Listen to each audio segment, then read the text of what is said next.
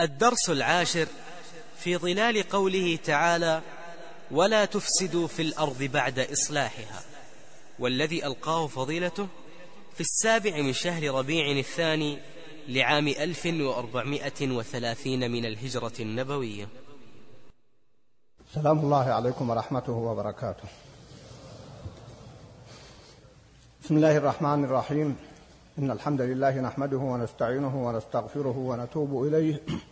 ونعوذ بالله من شرور أنفسنا وسيئات أعمالنا. من يهده الله فلا مضل له ومن يضلل فلا هادي له. وأشهد أن لا إله إلا الله وحده لا شريك له. وأشهد أن محمدا عبده ورسوله صلى الله عليه وعلى آله وصحبه وسلم تسليما كثيرا. أما بعد أيها الأخوة كما قدم أخي الشيخ محمد. في هذا الموضوع وهذه الآيات التي قرأها. في قوله تعالى ولا تفسدوا في الأرض بعد إصلاحها. وتلاحظون أن دروسنا الشهرية في هذا المسجد المبارك كلها تنطلق من القرآن. لأنه لا صلاح لهذه الأمة في آخر زمانها كما قال الإمام مالك لن يصلح آخر هذه الأمة إلا بما صلح بها أولها. فهنا لن نافية. أي محاولة؟ وهذه لا علاقة مباشرة بالموضوع الذي نتحدث عنه. أي محاولة لإصلاح بعيدة عن كتاب الله جل وعلا وسنة النبي صلى الله عليه وسلم فهي باطلة وفاسدة. بل هي إفساد. تتحول من إصلاح إلى إفساد وإن كانت الدعاوى أنها إصلاح. فاستمسك بالذي أوحي إليك إنك على صراط مستقيم وإنه لذكر لك ولقومك. وسوف تسألون. إذا هو لنا للنبي صلى الله عليه وسلم ولنا من بعد النبي صلى الله عليه وسلم. ولهذا قال النبي صلى الله عليه وسلم تركت فيكم ما إن تمسكتم به لن تضلوا بعدي أبدا. لاحظوا هذين الحديثين. هذا الحديث وكلاهما صحيح. والحديث الآخر تركتكم على البيضاء ليلها كنهارها لا يزيغ عنها بعدي إلا هالك. الحديث الأول أشار إلى أننا إن تمسكنا بالكتاب والسنة نجونا. إذا كانت سبل الإصلاح منطلقة من الكتاب والسنة بفهم صحابة النبي صلى الله عليه وسلم. فهذا هو الإصلاح بعينه. إن أريد إلا الإصلاح ما استطعت وما توفيقي إلا بالله. الحديث الآخر مع أنه يدل على هذه الدلالة لكن في دلالة عميقة. تركتكم على البيضاء ليلها كنهارها لاحظوا لا يزيغ عنها بعدي إلا هالك. فمعناه أن من حاول أن يتجاوز هذه البيضاء اللي هو الكتاب والسنة في الحديث الآخر فقد هلك. معناه مرة أخرى النبي صلى الله عليه وسلم يقول أي محاولة للإصلاح؟ لا تنبثق من الكتاب والسنة. تركتم ما فيكم ما إن تمسكتم به لن تضلوا بعدي أبدا كتاب الله وسنتي. فمآل إلى الهلك.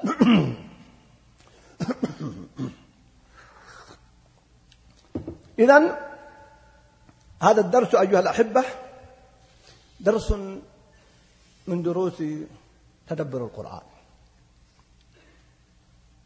الشيخ العلامة محمد الأمين الشنقيطي رحمه الله وهو يفسر كتاب الله جل وعلا في المسجد النبوي في مسجد النبي صلى الله عليه وسلم.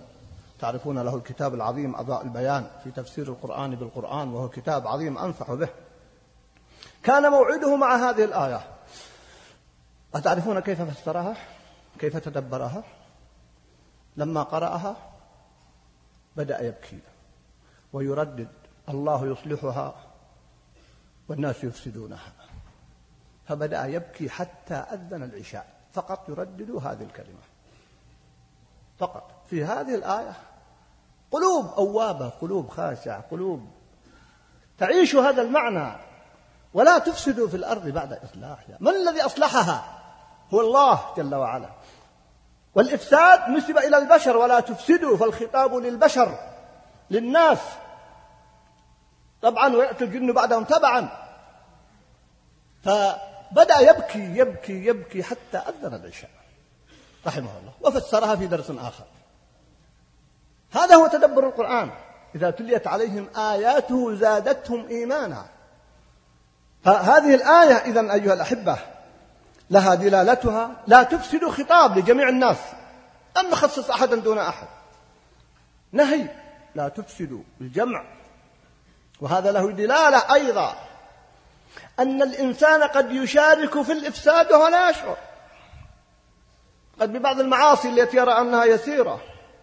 بل بسكوته عن الحق كما سيأتي إن شاء الله بالأدلة والبراهين. يساهم في الإفساد. فلذلك قال ولا تفسدوا في الأرض ما قال ولا تفسدوا الناس؟ قال في الأرض. فكأن إفساد جزء من الأرض إفساد للأرض جميعا أيها الأحبة. وهذا الحقيقة عظيم معنى عظيم. ف فهو إفساد متعدي. أي فساد يقع في الأرض؟ كأنه يعم الأرض جميعا. كما قال في القتل ومن قتلها فكأنما قتل الناس جميعا. فقال في الأرض ونسبها للأرض. ثم فيه معنى عميق جدا ذكره العلماء. أن أيضا الأرض هي محل النبات ومحل الحياة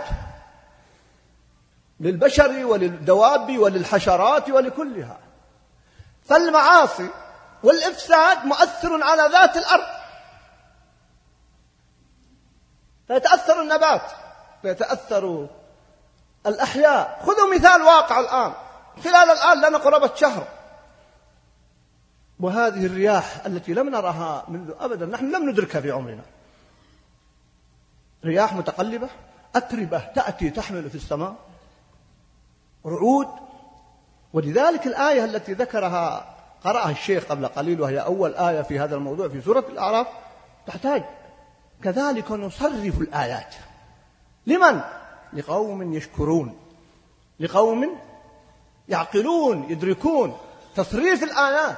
إذا لاحظوا التركيبة. الإفساد في الأرض المعاصي تؤثر على وقوع هذه الآيات أو تكون سببا لهذه الآيات. من الغبار من الرياح من غيرها فتؤثر في الأرض. قبل قليل أرسل لي أحد الأخوة رسالة من الرياض يقول الآن قبل الرياض بكذا كيلو برد يصل بعضه إلى حجم البرتقالة. وتعرفون أن قبل أيام وصل إلى الطائف أيضا ودمر سيارات وأماكن ومحلات تجارية هذا البرد. نعم أيها الأحبة انظروا كيف. فإذا مع طيب ما هو السر في ذلك ظهر الفساد في البر والبحر بما كسبت أيدي الناس. إذا معاصي الناس أو الإفساد الذي يجري في الأرض يؤثر على وقوع الرياح وغيرها يكون سببا في ذلك. فيؤثر على الأرض أيضا ولا تفسدوا في الأرض. لاحظوا هنا معنى آخر وعميق جدا. ولا تفسدوا في الأرض فهو إفساد في الأرض. فإذا فسدت الأرض لم يحدث النبات ولا تحدث المياه ولا غير ذلك فيهلك الدواب وتموت وغير ذلك. إذا سبحان الله إذا هذه المعاصي هذه البرامج الإفساد في الأرض متعدية. قال بعد إصلاحها فالأصل هو الإصلاح والفساد طارئ. قالوا لما الله سبحانه وتعالى قال للملائكة آه، في قضية آه، بعثة أو خلق آدم عليه السلام ماذا قالوا أيها الأحبة؟ قالوا له أتجعل فيها من يفسد فيها ويسفك الدماء؟ لأن الأصل اصطلاحهم. يقولون الآن أرض صالحة الآن. لما بين الله خلق آدم للملائكة وعلمهم قالوا أتجعل فيها من يفسد فيها؟ ويسفك الدماء؟ ولكن حكمة الله وقدره البالغ هو الذي جرى في ذلك. وأيضا الدليل أن الأصل هو الإصلاح. قال كما في الحديث القدسي خلقت عبادي حنفاء كلهم. خلقت عبادي حنفاء كلهم. فاجتالتهم الشياطين. وحديث النبي صلى الله عليه وسلم كل مولود كل مولود. أي مولود بدون استثناء كل من صيغ العموم بل من أقوى صيغ العموم. يولد على الفطرة. فأبواه يهودانه أو ينصرانه أو يمجسانه إذا كان أبواه فما بالك بغير أبويه. إلا كما في حديث آخر أو يسلمانه أي يبقيانه على الفطرة أو يبقى مسلما. إذا الأصل هو الصلاح. ولهذا ولهذا فكل دعوة إصلاحية ابتداء بدعوات الأنبياء عليهم وعلى نبينا أفضل الصلاة والسلام. ودعوة المجددين والمصلحين هو إعادة للشيء لأصله. هو إعادة للشيء لأصله. والفساد طارئ. ولذلك أول رسول من هو؟ نوح عليه السلام. بين نوح وآدم عليه السلام بين نوح وآدم عليهم السلام قرون. لكن كانوا حنفاء. فحدث ويغوث ويعوق ونصر القصة المعروفة لأني سأختصر مراعاة الوقت. فأرسل الله نوح لما فسدت الأرض. إذا الفساد طارئ. هذا له دلالة. ترى هذه الكلمات حاولت اليوم أن نركز على قضايا يا أخوان قواعد. لأن الوقت ضيق الحقيقة والموضوع طويل ومهم وهو مشروع حياة. إذا كل من يصلح إصلاحا حقيقيا هو الذي معه الأصل. وغيره هو الذي يفسد. الذي يحدث الآن خلاف ذلك مع كل أسف أصبح يتهم بالإفساد من؟ يتهم بالإفساد. المصلحون هم الذين يتهمون بالإفساد. وأن غيرهم هم الذين يريدون الإصلاح. وكذبوا رب الكعبة. إذا الأنبياء وغيرهم خذوا مثال. قريب جدا حتى أحب أقرن بالواقع. منطقتنا وخاصة الجزيرة. وصلت إلى من البدع والشرك. مع فيها عدد من المسلمين الحمد لله فيها مسلمون فيها علماء لا شك في ذلك فيها أخيار. لكن لا شك أنه عمت فيها البدع بل وقع الشرك. فأكرم الله جل وعلا الإمام محمد عبد الوهاب بهذه الدعوة الإصلاحية ومعه أيضا الإمام محمد بن سعود رحمه الله وتوالت وعمت حتى وصلت إلى روسيا. دعوة الإمام محمد عبد الوهاب لم تقتصر على الجزيرة بل وصلت إلى روسيا. وهي موجودة الآن في الجزائر في أمريكا في أستراليا في كل مكان والحمد لله. من آخر الدعوات الإصلاحية التي الخالصة واللي قامت دعوات إصلاحية آه، قد تكون إما ليست بذات السعة حتى لا أظلم أحدا وتكون فعلا دعوة على التوحيد وخالصة لكن ليس لها سعة وانتشار دعوات. شيخ محمد عبد الوهاب أو أن دعوة قد يكون لها عموم لكنها ليست خالصة ليست صافية. لكن من أصفى الدعوات حتى نكون دقيق بعباراته دعوة الشيخ الإمام محمد بن عبد الوهاب والإمام محمد تعاضد مع الإمام محمد سعود فقامت الدعوة. ما الذي يجري الآن في محاولة في الجزيرة؟ في بل... كمثال عملي من محاولات إفساد لعلنا نشير إلى بعضها. فهي إذن ولا تفسدوا في الأرض بعد إصلاحها لأن المجددون يصلحون الأرض. ثم يأتي المفسدون ويفسدونها. وهكذا دواليك. والصراع بين الحق والباطل إلى قيام الساعة. ونسأل الله يجعلنا وإياكم من المصلحين لا من المفسدين. إذا أيها الأحبة حتى الفساد البيئي كما قلت هذا الذي بعض الناس لا يلتفت له وهو من الإفساد في الأرض. سببه معاصي بني آدم. انظروا إلى هذا الفقه الرائع. زلزلت المدينة في عهد عمر رضي الله عنه. فتدرون ماذا قال؟ هل ذهب يفسر الزلزال بمنخفضات بجبال بغيرها بأسباب منخفض من الجنوب منخفض من الشمال ريعات غير ذلك بتفسيرات مادية نحن لا ننكرها لكن أذهب المعنى الإيماني فيها. انظروا ماذا قال عمر رضي الله تعالى عنه. يقول لما زلزلت المدينة في عهد عمر قال أيها الناس ما أسرع ما أحدثتم. يعني فسر الزلزال لسبب ماذا؟ سبب الحوادث بسبب المعاصي هذا وقت الصحابة. ثم قال لئن عادت لا ساكنتكم فيها. إن عاد الزلزال مرة ثانية لن أبقى عندكم في المدينة. والله عجيب يا أخوان. والله فهم. ماذا يقول عمر عنا الآن رضي الله عنه؟ لو كان في واقعنا الآن ورى الزلازل والمحن والرياح والعاتية وأحوال لا يعلمها إلا الله وتفسيرات مادية بل بل إنهم لا يكتفون بالتفسير المادي البعيد عن المنهج يسخرون من يفسر تفسير الإيمان. حتى يقول مع كل أسف عبارة قاسية أحد هؤلاء. لا حاجة لفكرة الخالق بعد وجود العلم. يعني كان يقول الناس بسبب جهلهم يحيلون الأمر لله قدر كوني الآن ما في داعي تحيلوا لله. هذا كلامه هو. خلاص معروف السبب. الرياح معروف سببها التراب معروف سببه الزلزال معروف سببه. انظروا كيف وصلت الحالة وهذا هو الإفساد بعينه. لا حاجة إلى فكرة الخالق. يعني إسناد هذه الأشياء إليه بعد معرفة وتطور العلم. ولذلك هذه الآية أيها الأحبة جاءت في موضعين في القرآن. الموضوع الأول الذي قرأه الشيخ وجاءت بين آيات الدعاء ولا تعتدوا. ادعوا ربكم تضرعا وخفيا. إنه لا يحب المعتدين. ولا تفسدوا في الأرض بعد إصلاحها وادعوه خوفا وطمعا. القسم الأول اعتداء في الدعاء. القسم الثاني توجيه الادعاء الصحيح بينهما ولا تفسدوا في الأرض بعد إصلاحها. فكأن الاعتداء بل هو كذلك أقول الاعتداء في الدعاء إفساد في الأرض. نعم. هذه القصة الآن. أما الآية الثانية فهي قصة شعيب عليه السلام وإلى مدين أخاهم شعيبا وكلها في الأعراف الآيتان في الأعراف فقط. وإلى مدين أخاهم شعيبا قال يا قوم اعبدوا الله ما لكم من إله غيره. لاحظ اعبدوا الله ما لكم من إله غيره. قد جاءتكم بينة من ربكم فأوفوا الكيل والميزان ولا تبخسوا الناس أشياءهم ولا تفسدوا في الأرض بعد إصلاحها. إن ذلكم خير لكم إن كنتم مؤمنين ولا تقعدوا بكل صراط توعدون وتصدون عن سبيل الله من آمن به وتبغونها عوجا. سبحان الله. تدبروا هذه الآية التي قرأت عليكم. ربط بين شيئين عبادة الله والظلم. تطفيف المكاييل كمثال تطفيف المكاييل والموازين.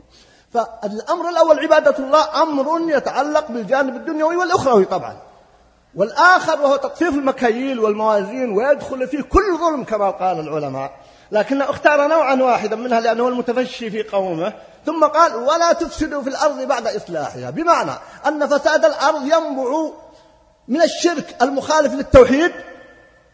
أن الفساد في الأرض سببه سببان رئيسيات مع أسباب أخرى أو يتفرع عن سببين. السبب الأول هو الشرك وترك التوحيد وهذا له لازم كما سنأتي في دعوة الإصلاح. السبب الثاني هو الظلم الذي منه تقفيف المكاييل والموازين. السبب الأول يتعلق بأمر ديني والسبب الثاني يتعلق بأمر دنيوي فكأنه يقول أن الإصلاح الكامل هو الذي يتعلق بصلاح أمور الدنيا والآخرة. ماذا يقول العلمانيون الذين يقولون دع ما لله ما لله ما لقيصر لقيصر؟ ولذلك قوم شعيب ماذا قالوا بعد ذلك؟ في سورة هود أصلاتك تأمرك أن نترك ما يعبد آباؤنا أو أن نفعل في أموالنا ما نشاء؟ الحقيقة قوم شعيب فقهوا هذا الفقه. أصلاتك هذه الصلاة التي أنت مركز تأمرك يعني أن توحد الله ونترك الشرك. و تأمرك ألا نفعل في أموالنا ما نشاء إنك ما يشاء الله. نعم الدين جاء لتحقيق التوحيد والعبادة ولتنظيم أمور البشر ونفي الظلم. هذا معنى عميق. هذا ضربة قاصمة للعلمانيين الذين يرون فصل الدين عن الدولة. وهم يحسبون أنهم يحسنون صنعة. هؤلاء المنافقون الذين يطرحون مشاريع الإصلاح ينبثقون من أن ما لله لله هذا إن صدقوا حتى كلمة لله ما لله لله لم يصدقوا فيها. حتى هذه. وما لقيصر لقيصر يعني أمور الدنيا حتى هذه. شعيب في قوله ولا تفسدوا في الأرض بعد إصلاحها يتعلق بالأمرين في أمور الدين والدنيا ولذلك جاء كما تعلمون الفصام النكد مع كل أسف في هذا الجانب. واقع الأمة الذي يجعلنا نطرح هذا الموضوع أيضا. أيها الأخوة الحقيقة واقع الأمة وأساليب الأعداء واستخدامهم لكل الأساليب وأساليب الإفساد وانخداع بعض المسلمين بهم. الذي جعلنا نركز على هذا الموضوع هذا الدرس. أولا هو موضوع قرآني كما قلت ونحن نعيش قضايا قرآنية. الآن واقع الأمة الآن. كيف؟ هنا نقطتان أهداف أعداء الأعداء في الأمة قديمة ليست جديدة.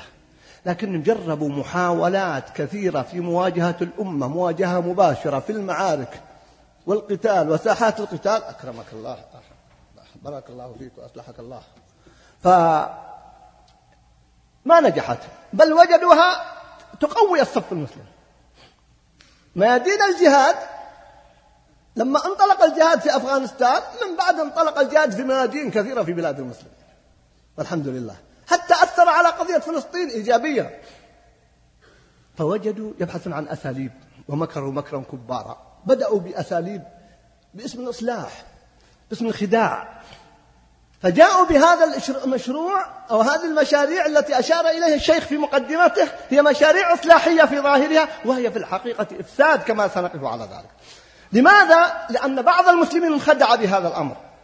بل حتى بعض ربما طلاب العلم من حيث لا يشعر وقع في شيء من ذلك. وهنا يقول النبي صلى الله عليه وسلم في حديث عظيم تنقض عرى الإسلام عروة عروة كلما نقضت عروة تشبث الناس بالتي بعدها.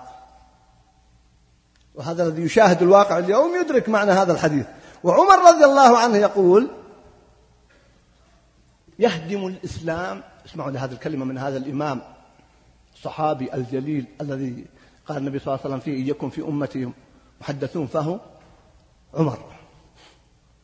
نقول يهدم الإسلام من لم يعرف الجاهلية. يعني قد يكون إنسان فيه خير لكن لم يعرف أساليب الجاهلية خداع الجاهلية مكر الجاهلية يساهم في هدم الإسلام. وصدق رضي الله عنه. كيف لو رأى زماننا؟ رأينا أناس أخيار. ساهموا من حيث يشعرون أو لا يشعرون. يذكر لي أحد الأخوة قبل يومين قصة يقول في بلد عربي صدر قانون في تلك الدولة فاجر قانون فاجر قانون علماني خبيث. فضج الناس في المسجد يوم الجمعة فقام إمام المسجد وقال أقسم لكم بالله أني سمعت الشيخ فلان يقول إن هذا القانون إسلامي. فسكت الناس. ما هو ليس بإسلامي ولا شيء. فيهدم الإسلام من لا يعرف الجاهلية. فلذلك عندما نتحدث عن هذه المشاريع أيها الأخوة ولذلك أخطر مشاريع الإفساد لاحظوا وأقول وأنا مسؤول عنها أخطر. ويجوز أن أقول من أخطر مشاريع الإفساد ولا تفسدوا في الأرض بعد إصلاحها ما كان باسم الإصلاح. بعيدا عن الكتاب والسنة وهدي السلف الصالح. والدليل على ذلك أيها الأحبة ماذا قال فرعون؟ وهو منهج فرعوني قديم. إني أخاف. تخاف ماذا يا فرعون؟ على موسى أو من موسى أن يبدل دينكم أو أن يظهر في الأرض الفساد. ما شاء الله فرعون مصلح وموسى يهدم. على لغته طبعا. إني أخاف. شوف الشفقة عليهم. وشفقته على هذا الدين. اللي عبادته طبعا؟ أن يبدل دينكم أو أن يظهر ما اكتفى بهذا. أن يظهر في الأرض الفساد. فإذا هم يطرح إذا هو يطرح مشروع إصلاحي وأصرح منها ما أريكم إلا ما أرى. عنده مشروع إصلاحي. وما أهديكم إلا سبيل الرشاد. هذه الكلمة التي قالها فرعون صحيح قالها بلسان فرعون لكن يطبقها آخرون الآن بنفس المنهج من بني أمتنا. وهو منهج المنافقين الذي قال عنه قال الله جل وعلا وإذا قيل لهم لا تفسدوا في الأرض قالوا إنما نحن مصلحون. وإذا قيل لهم لا تفسدوا في الأرض. هذا فساد هذا الموضوع. قالوا إنما نحن مصلحون. ثم يؤكد الله جل وعلا ألا إنهم هم المفسدون ولكن لا يشعرون. خطورة ما يعملون. ولهذا أيها الأحبة قلت من مظاهر خطورته هنا أيها الأحبة أن يبينه حذيفة رضي الله تعالى عنه. كان الناس يسألون النبي صلى الله عليه وسلم عن الخير فكنت أسأله عن الشر مخافة أن نقع فيه. ثم ذكر الحديث وهو طويل ولولا أن الوقت مختصر لأسلسل ثم بين أن الدعاة على أبواب جهنم. من أطاعهم قذفوه فيها. صفهم لنا يا رسول الله. قال هم من بني جلدتنا ويتكلمون بألسنتنا. هذا الوصف الدقيق. لا تصوروا انهم يجون من اليهود ولا من النصارى. من بني جلدتنا من بني قومنا. ويتكلمون بلغة ألسنتنا بلغتنا هم الذين دعاة على أبواب جهنم من أطاعهم قذفوه في النار والعياذ بالله. إذا هي مشاريع. وخذوا مثال. فمن الذي يحكم بغير ما أنزل الله في بلاد المسلمين؟ هل رأيتم الذي يحكم على كثير من بلاد المسلمين؟ يهودي ولا نصراني؟ ها؟ الذي يحكم في كثير من بلاد المسلمين هم يهودي ولا نصراني؟ لا. فلان ابن فلان. ويقول أنا مسلم. لكنه يحكم بغير ما أنزل الله. فهو من بني جلدتنا ويتكلم بألسنتنا. طيب. من الذي أنشأ كثير من القنوات الفاسدة الفاجرة الآن؟ من أين؟ المنتشرة الآن عند أبناء المسلمين. ما في ما أعرف أحد من الإخوان عنده قناة يهودية. وإذا وجد فأعتقد أنه لا وجد له لكن مع كل أسف قنوات أنشأ أبناء المسلمين بأموال المسلمين. نعم. وهي من أسوأ ومن أشد القنوات فسادا. والله فيما رأيت أنها أسوأ من بعض القنوات الإفسادية في دول الغرب. ليس لأن الغرب ليس عندهم قنوات إفسادية لكن الناس حائل اللغة كما تعلمون. وأيضا شعوره أنها يهودية أو نصرانية أو أعجمية أو غير ذلك ما يريدها. لكن لأنها من فلان أو فلان وتتكلم باللغة وممكن تنقل الأذان والصلاة نعم وممكن يكون فيها بعض البرامج الدينية وممكن يظهر فيها بعض المشايخ وهي مفسدة. صدق رسول الله صلى الله عليه وسلم. يتكلمون بألسنتنا؟ من بني جلدتنا يتكلمون بألسنتنا. طيب من الذي الآن يخلخل الثوابت؟ وبخاصة في وسائل الإعلام والصحف. من هم الذين يخلخلون الثوابت؟ ويقرأ لهم. يهود أو نصارى؟ نعم نحن لا نشك في اليهود والنصارى. لا تحسبون أني جئت أبرئهم. لا هم من الصف الخلفي. نعم ولا يزالون يقاتلون حتى يردوكم عن دينكم إن استطاعوا لكن وجدوا من ينوب عنهم. وجدوا من؟ من هم؟ أبناء من أبناء المسلمين. خلخلة للثوابت؟ مبدأ الولاء والبراء مبدأ العقيدة مبدأ التوحيد. مبادئ يعني الآن قل أن تخلو صحفنا حتى في هذه البلاد المباركة. كثير من صحفنا قل أن تخلو. من خلخلة الثوابت. قاتلهم الله أن يؤفكون. أيضا وباسم الإصلاح أيضا أيها الأحبة.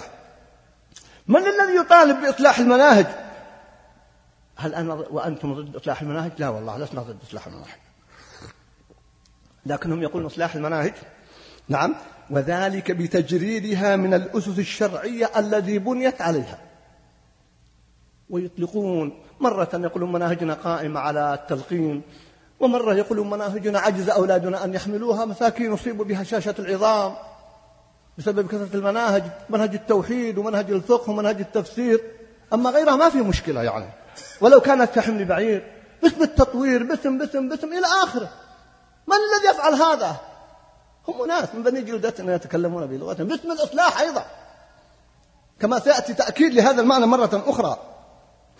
إذا ويطول الحديث فهم يطرحون مشاريع أيها الأحبة. ولذلك أقول الآن في مخطط رباعي يمكن أقول ثالوث أو رباعي خطير جدا. يستهدف الإسلام السني. لما أقول الإسلام السني هو منهج النبي صلى الله عليه وسلم. أهل السنة والجماعة. من هم هؤلاء؟ الأربعة اليهود قطعا النصارى الرافضة العلمانيون. ولا عندما أقول العلمانيين أقصد العلمانيين أو المنافقين أو الليبراليين سموهم ما شئتم. يشتركون في ثلاثة الأسماء. فهم علمانيون ليبراليون منافقون ويتفاوتون فيما بينهم. رباعي خطير الحقيقة؟ كلهم يستهدفون هذا الإسلام السني وبخاصة في هذه البلاد. انظروا الآن فتنة الرافضة التي تحدث الآن. ما عادت الأقنعة. بل يقولون الآن أيها الأحبة معروف أن التقية عند الرافضة تسعة أعشار الدين. الآن أطلقوا مصطلح جديد من أحد علمائهم وملاليهم أنه لا تجوز التقية اليوم خاصة في الجزيرة العربية. فيصعد أحدهم على المنبر يطالب بفصل المنطقة الشرقية من المملكة. يطالب بتدويل الحرمين. وأول ما سمعت الكلمة تصورتهم يقول تدويل الحرمين أن تكون خاضعة للمسلمين مع أن حتى نحن هذا لنا وجهة نظر فيه وسبق طرحت فإذا هو يريد أن تخضع الحرمان للأمم المتحدة. هذا دعوة صريحة من الرافضة ما ما أتكلم لكم إلا بحقها للأمم المتحدة طيب كيف يدخلون البيت؟ كيف كيف؟ عجيب والله يا أخوان. تدويل الحرمين أن تكون خاضعة للأمم المتحدة. طيب ما أنتم تسمون أمريكا الشيطان الأكبر؟ أليست الأمم المتحدة هي التي أنشأت أنشأتها أمريكا؟ شيطان أكبر علانية وهو الصديق والخل الوفي سرا بل أصبح علانية الآن. فالأعجب طيب قد يقول طيب هذا اليهود والنصارى عرفناهم والرافضة عرفناها عرفناها ما علاقة العلمانيين؟ مشاريعنا أكثر من ينفذهم العلمانيون. مشاريع الإفساد باسم الإصلاح هم العلمانيون. ما جاء ينفذها الرافضة مباشرة ولا اليهود مباشرة ولا النصارى مباشرة. والعجب والله يا أخوان والله العجب. كم دندن الليبراليون والمنافقون على الوطنية واتهموا بعض دعاة الإسلام بأنهم ما عندهم وطنية. وعندما يأتي الرافضة علانية ويدعون هز الأمن في هذه البلاد المباركة والانفصال وإثارة الفتن يصمت العلمانيون. يصمت الليبراليون. هل رأيتم إلا مقالات الاستحياء من بعضهم؟ أين جعجعتهم إذا كان عندهم وطنية؟ لكن كذبوا رب الكعبة. نعم أيها الأخوة. حقيقة إذا هم متآمرون. متآمرون مع من؟ وهذه نقطة بعيدة جدا. الليبراليون تبع لأمريكا. لو كانت أمريكا غير راضية عن الرافضة طلع لهم أصوات. لكن سيدتهم أمريكا راضية الآن فيما يحدث. والدليل على ذلك انظروا ماذا فعلت أمريكا في غزو الكويت لأهداف بعيدة طبعا ما عشان الكويت. وإيران الآن تهدد وتعلن ضم البحرين. وأمريكا صامتة. بل يدعو المسؤولون الأمريكان أوباما بالتقارب مع إيران والتحالف مع إيران. والعجيب أن الكويت ما كان لها حلف استراتيجي مع أمريكا ومع ذلك قامت أمريكا لأهداف تعرفونها وحققت أهدافها مع كل أسف وبقائها في المنطقة بسبب هذه الأهداف. لكن البحرين في حلف استراتيجي موقع للدفاع بين البحرين وأمريكا وصمت رهيب من أمريكا. والعلمانيون الليبراليون صامتون تبعا لأسيادهم. إذا هو هذا المربع الخطير يشترك في اليهود والنصارى والرافضة والعلمانيون يريدون الإفساد ولو باسم الإصلاح. نعم هذه حقائق. إذا أيها الأحبة ولذلك فإن نقول أيها الأحبة أهمية ارتفاع الوعي لدى الأمة. ونحن نتحدث عن هذا الموضوع أهمية ارتفاع الوعي لدى الأمة. وكذلك نفصل الآيات ولتستبين سبيل المجرمين. لماذا أقول لكم لدى الأمة؟ وأنا أحضر سبحان الله جاءتني رسالة هذا اليوم. من أحد الإعلاميين المتميزين وأرسلت رسالة أشكره. يقول القناة الفلانية قناة إسلامية والله ما نشك فيها ونعرف القائمين عليها فيهم خير وصلاح. يتكلم تنقل عن أحد هؤلاء الليبراليين كلام ولم تعلق عليه القناة يقول يقول هذا البشير الذي الآن اتهموه بأنه مجرم حرب. يقول أين عقله؟ يريد يواجه المجتمع الدولي؟ يريد يواجه العدالة الدولية؟ يريد يواجه سبحان الله الشرعية الدولية؟ من الذي رسخ عندنا هذه المفاهيم؟ شرعية دولية عدالة دولية؟ أي عدالة دولية؟ أي شرعية دولية؟ طيب كيف مرت هذا الخبر يمر من قناة إسلامية بدون تعليق؟ هم ليسوا محل شك لكن قلت لكم الغفلة. ولذلك لابد من ارتفاع الوعي. وهذا كلام عمر رضي الله عنه. ينقض الإسلام أو يهدم الإسلام ولا يهدم الجاهلية؟ ما لا يعني الشرعية الدولية وغيرها كما سيأتي؟ إذا لابد من ارتفاع الوعي وأن نتحدث في هذا الجانب أيها الأحبة طيب من أبرز أساليبهم في في الإفساد أيها الأخوة أشرت إلى بعضها وعيدها تكرارا. من أبرز باسم الإصلاح طبعا. كل هذه باسم الإصلاح. فصل الدين عن الدولة وتحكيم غير شرع الله والواقع الحاضر في كثير من بلاد المسلمين يؤكد ذلك. ولذلك نشأ من هذه الفكرة فصل الدين عن الدولة برامج كثيرة لكن أشير برنامج واحد. تلاحظون حتى في أعلامنا. وإن كنا في بلد الحمد لله يعلن تطبيق الشريعة وتهيمن بالجملة على حياته. لكن أقول هناك عندنا منافقون كما كان وقت النبي صلى الله عليه وسلم. لا نستغرب. لا يسلم مجتمع منها لكن لهم الآن صولة وجولة مع كل أسف. من ذلك تضخيم بعض الاختصاصات المادية والتهويل من التخصصات الشرعية. الآن وصل في دولة عربية يا أخوان كانت قائدة للمسلمين سنوات إلى أن الواحد يستحي. بل الشيخ في هذه الجامعة في تلك الدولة يستحي يقول ابني في في في الجامعة الفلانية الإسلامية، لكن يقول ابني طبيب، ابني مهندس، إحنا ما عندنا إشكال الحمد لله في طبيب ومهندس، الأمة تحتاج الجميع، لكن تضخيم هذا الأمر، الآن التهويم من التخصصات الشرعية وأن سوق العمل لا أحتاج إليهم، وش سوق العمل هذا اللي ما أحتاج إليه؟ انظروا الآن الكليات التي أنشئت منذ عشرين سنة. انظروا كم نسبة كليات الشريعة فيها حتى في بلادنا وكم نسبة غير كليات الشريعة. بل حتى الكليات الجامعات العريقة بعضها بدأت تزاحم بتخصصات مادية. حتى الجامعات العريقة. فهو ينبع من مخطط من برنامج ليس عفويا أبدا. أيضا نجد من الإفساد باسم الإصلاح أيها الأخوة نعم آه كما قلت تطوير القوانين الشرعية. هم ما يأتون يقولون لا سنلغي الشريعة. لا شوي شوي. هذا البلد كما تعلمون خاصة في مجال القضاء الشرعي كان فعلا قضاء شرعي. الأخطاء من طبيعة من أخطاء البشر لكن فعلا قضاء شرعي. ويشرف عليه علماء ثقات كبار. ما يمكن فجأة يقولون نلغي المحاكم الشرعية نأتي بحاكم قانونية. لا. يأتون يقول نطور القضاء. طيب كيف تطورون القضاء؟ نحن مع تطوير القضاء وإصلاح القضاء إذا وجد خطأ. لكن لا. بتقنين القضاء. ثم شيئا فشيئا. حتى تعلمون ماذا يحدث بعد ذلك. من الذي ينادي الآن بتطوير القضاء؟ الحقيقة لم ينادي به العلماء. أول ما نادى به. ينادي به أناس آخرون معروفون بتوجهاته وإعلاميون معروفون. ومرة أخرى قل لسنا ضد تطوير القضاء أو إصلاح القضاء إذا وجد أخطاء لكن وراء الأكمة ما وراءها ولتستبين سبيل المجرمين. ثالثا أيضا باسم الإصلاح أيها الأخوة في بعض الدول العربية نعم ألغوا المحاكم الشرعية ولم يبقوا إلا محاكم باسم المحاكم للأحوال الشخصية وحتى هذه المحاكم ألغيت فيما بعد. هذا في دول عربية. مرت كانت تحكم بالإسلام كانت تساس بالقضاء الشرعي. شيء عجيب جدا. أتعلمون في دولة عربية قرأت لأستاذنا محمد قطب حفظه الله. يقول في الدولة الفلانية دولة إسلامية كبيرة جدا. أول من نادى بإنشاء معهد للقضاء عندما كانت المحاكم كلها محاكم شرعية. تعلمون من هو؟ معهد لتطوير القضاء زويمر هذا النصراني. فلما أنشأ المعهد قال لو أدخلتم فيه المقارنة مع القوانين الغربية حتى تشوفوا فضل الإسلام. فعلا دخلت مواد مقارنة بين القانون الوضعي والقانون الشرعي. بعدين بدأ يخفض من المواد الإسلامية. ثم أيضا قال تقنن الشريعة الإسلامية قننت الشريعة الإسلامية. ثم شيئا فشيئا قال لا تخفض المواد الإسلامية وتضخم القانون وتنشأ كليات حقوق. وهم الذين إذا تخرجوا هم الذين يعينون في المحاكم وليس من كليات الشرعية.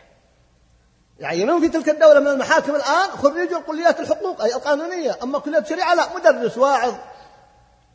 هذا زويمر زويمر نصراني معروف. مشهور في في فيما أثر على بعض البلاد الإسلامية. إذا باسم تطوير الجامعات باسم تطوير الجامعات أضعفوها. طيب نحن ضد تطوير الجامعات؟ لا والله لسنا ضد تطوير الجامعات. لكن هل هذا الذي حدث تطوير دخلت يوم من الأيام على مدير جامعة الأزهر وهو أستاذ من أساتذتنا رجل فاضل. وسلمت عليه فوجدت عنده مقال يكتبه فأراني إياه. نعم. فإذا هو هو مدير الجامعة. قال أنثوها. عنوان المقال أنثوها. كيف أنثوها يا شيخ؟ كان اسمه جامع الأزهر فأصبحت جامعة الأزهر فكتب مقال رائع جدا. وهو مدير الجامعة ليس خصما للجامعة. لكن يقول نسبة الإصلاح بالنسبة لي محدودة ما أستطيع. ينفذ برامج معينة.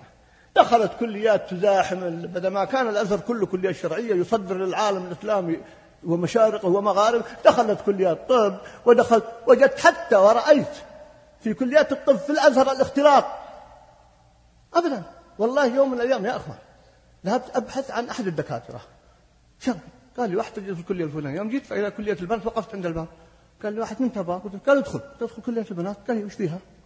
الدكتور موجود عند البنات. نعم أيها الأخوة هذا واقع الآن ويجري الآن هنا الآن بدأت مصائب عندنا في هذا الأمر. نحن لا نتكلم عن بلد معين. بدأت مصائب الاختلاط عندنا. إذا حتى الجامعات بدأوا يضعفونها باسم التطوير والإصلاح فهو تطوير الأزهر. فقال أنثوها أيضا باسم محاربة باسم تطوير المناهج. وهذه مرت معركة في بلادنا ولم تنجح إلى الآن والحمد لله كما يريدون لكنهم لا ييأسون اسم تطوير المناهج هم يقولون تطوير المناهج.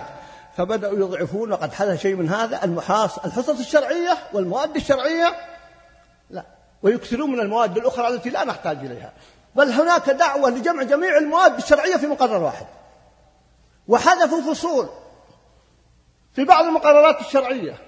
تجد المادة اللغة الإنجليزية خمس حصص. الفقه والتوحيد في بعض المراحل حصة واحدة.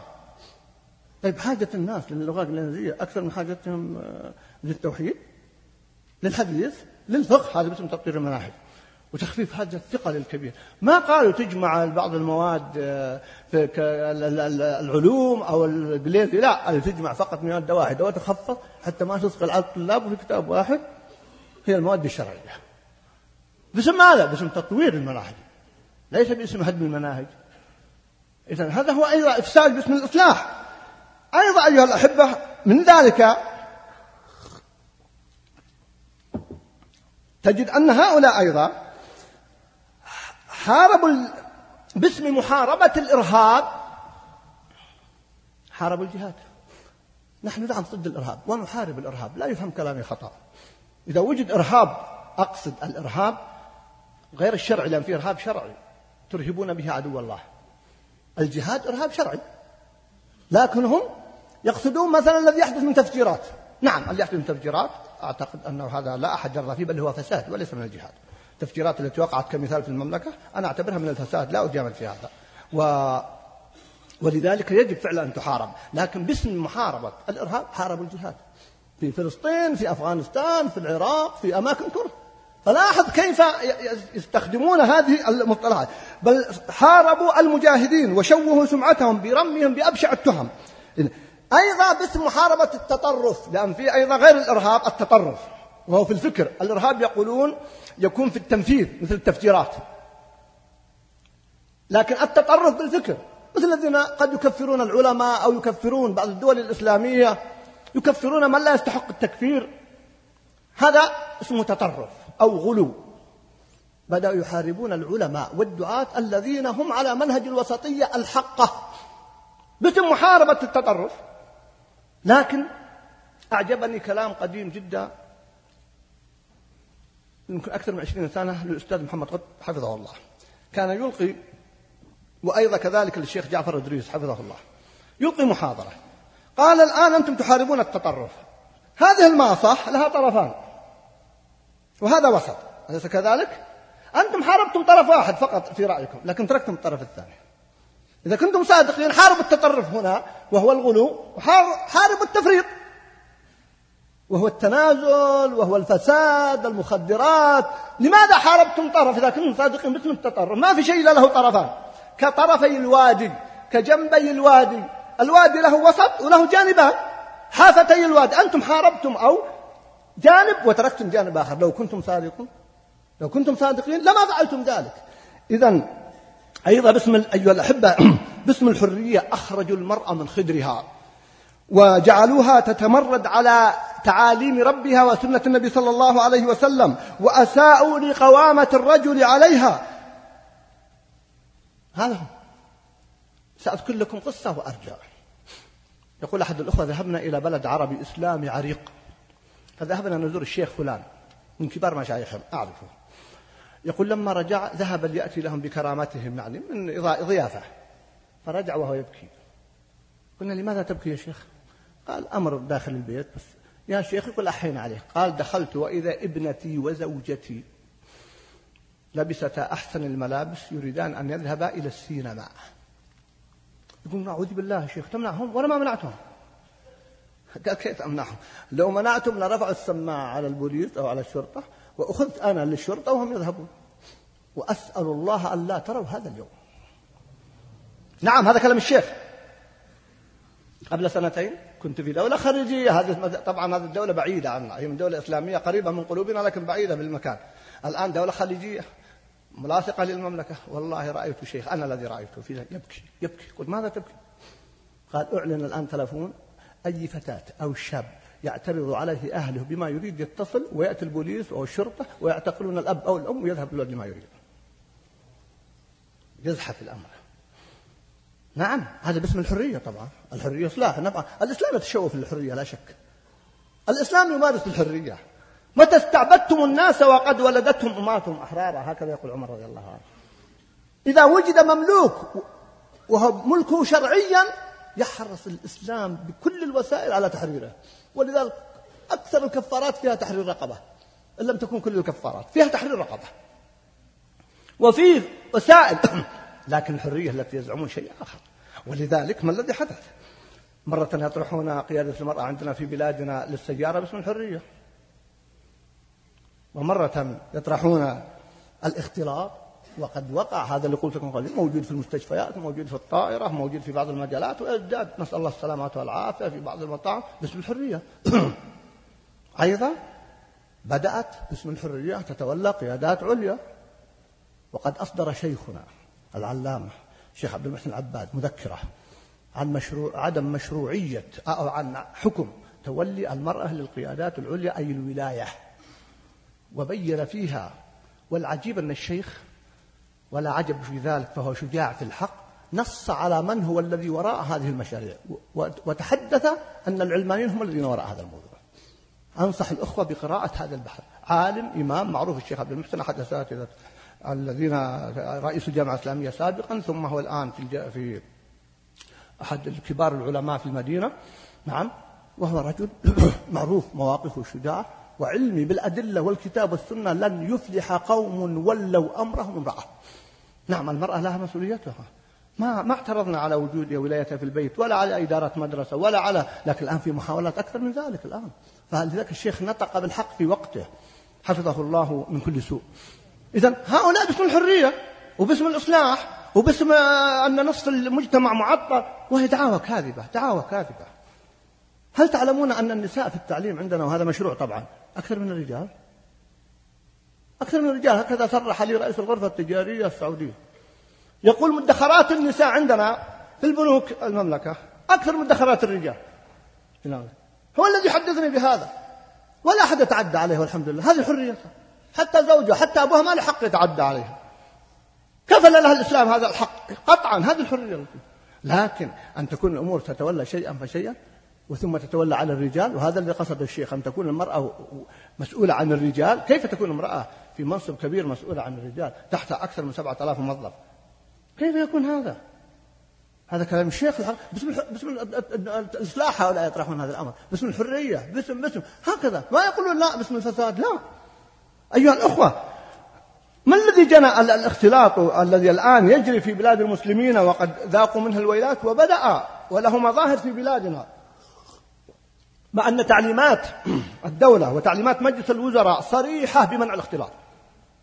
لكنهم يا إخوان لا يملون ولا يكلون ويحاولون ويتحايلون على هذه الأنظمة. وإلا فهناك لو أردنا مجلد من القرارات الملكية ومجلس الوزراء التي تمنع الاختلاط في الدوائر الحكومية وفي مجالات لكن ما مدى نسبة التطبيق؟ تنقذ عروة عروة على أساليب المنافقين والعلمانيين وكلما استلم بعضهم منصبا حاول أن يفعل ما شاء. حتى أصبحنا نرى من يستقبل النساء بحج نادي ويدعم هذا النادي من النساء. يستقبلهن رجل نعم أيها الأخوة هذه مظاهر لابد أن نقف عندها. أعطيكم مثال عن موضوع الاختلاط. من آثار الاختلاط وتحرير المرأة في أمريكا وجد عام 1960 لاحظوا الرقم 1960 وجد 224 بالألف لاحظ 224 بالألف أولاد غير شرعيين. يعني قرابة الربع أولاد غير شرعيين سبب ماذا؟ سبب الاختلاط. وفي عام نعم يعني كل يعني من مواليد من ألف مولود في أمريكا عام 1960 من ألف مولود 224 غير شرعيين يعني أولاد زنا. هذا المعروف طبعا هذا المسجل رسميا. وتعرفون في أشياء غير مسجلة رسميا طيب في عام ألف ف في عام 84 يعني بعد 24 سنة نعم في أمريكا أيضا و وصلت الرقم. المسجل في أمريكا من كل ألف مولود في أمريكا سبعمائة وسبعين غير شرعيين كم بقي؟ مئتين وثلاثين؟ الله أعلم عاد كم نسبة الصحيح. هذا مسجل رسميا سبعمائة وسبعين غير شرعيين. يعني أولاد زنا عافاكم. الله ومئتين وثلاثين هم يقولون يعني على الأقل مسجل اسمه يأتي به والد أو أمه. والله أعلم. متى بسبب ذلك. طيب وهنا يريدون يلحقون يقولون في أمريكا. الأمر خطير. اسألوا الهيئات اسألوا المحاكم عن المشاكل التي نشأت بسبب الاختلاط ودعاوى هؤلاء آه، قاتلهم الله أن يؤفكون. فإذا أيها الأحبة باسم الإصلاح والانفتاح والاستفادة من الآخرين فتحوا برامج الابتعاث. مأساة والله برامج الابتعاث وقد وقف العلماء والعقلاء أمام هذه البرامج. لسنا يا أخوان ضد دراسة في الغرب. أنا أعرف معنا الآن في المسجد عدد من الأخوة درسوا في الغرب. والحمد لله صالحون أخيار. ليس كل من درس بالغرب أيها الأخوة نقول أنه فسد. لا والله. بل بعضهم راح وربما فيه ضعف في التزامه ورجع وهو أحسن. لأنه رأى ما يفعل الغرب ويكيد للإسلام والمسلمين فثارت حميته وكان أقوى التزاما ورجع داعية. بعضهم ذهب صالحا ورجع مصلحا. لكن النسبة العظمى ليست كذلك. خاصة بعد برامج الابتعاث التي أطلقت باسم الإصلاح شباب صغار. اسأل وزارة التعليم العالي. وأنا التقيت قبل أيام مع بعض المسؤولين في الوزارة وأعطوني حقائق وعقدت ندوة في الرياض وأجرينا دراسة على بعض المبتعثين في أمريكا وجدنا مصائب.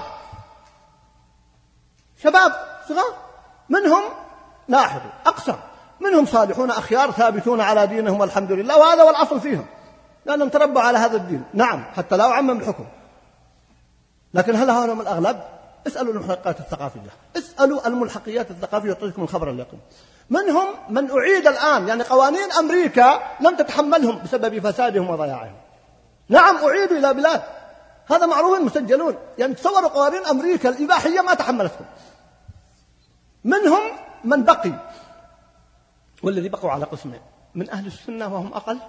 والأكثر من الشيعة للرافضة. إذا رجع هؤلاء وقد غسلت أفكارهم ماذا تتصورون الرافضة إذا جاءوا؟ ماذا سيتولون من مناصب؟ وأغلبية خاصة في الدفعات الأولى من الابتعاث من الرافضة. عجيب جدا أيها الأخوة. إذا رجعوا سيتولون مناصب أين؟ كيف يثق بهؤلاء؟ وقد ظهروا على حقيقته. أو من أهل السنة نسأل الله أن يردهم الحق ردا جميلا. وهم قد غسلت أدمغتهم كما حدث لبعض من قبلهم. إذا ما الذي يحدث؟ نقول يلغى الابتعاث؟ أنا ما أقول يلغى الابتعاث. أقول يضبط الابتعاث. تكون في ضوابط صارمة. ليس لكل من هب ودب ولا يذهبون لكل بلد. ويكون بضوابط معينة. وقد صدرت فتاوى من من كبار العلماء بهذا الأمر. هذا كله يجري باسم الإصلاح وهو إفساد ولا شك على المدى القريب والبعيد. أيضا آه، من أساليبهم في الإعلام أيها الأخوة. لا زلت أتحدث عن أساليب حتى أكون على وعي لأن مجرد طرح الأساليب كافي للبيان. من أساليبهم وبخاصة في الإعلام تشويه الإسلام والحقبة الناصعة في تاريخنا يعني الحقبة الناصعة في تاريخ. كم؟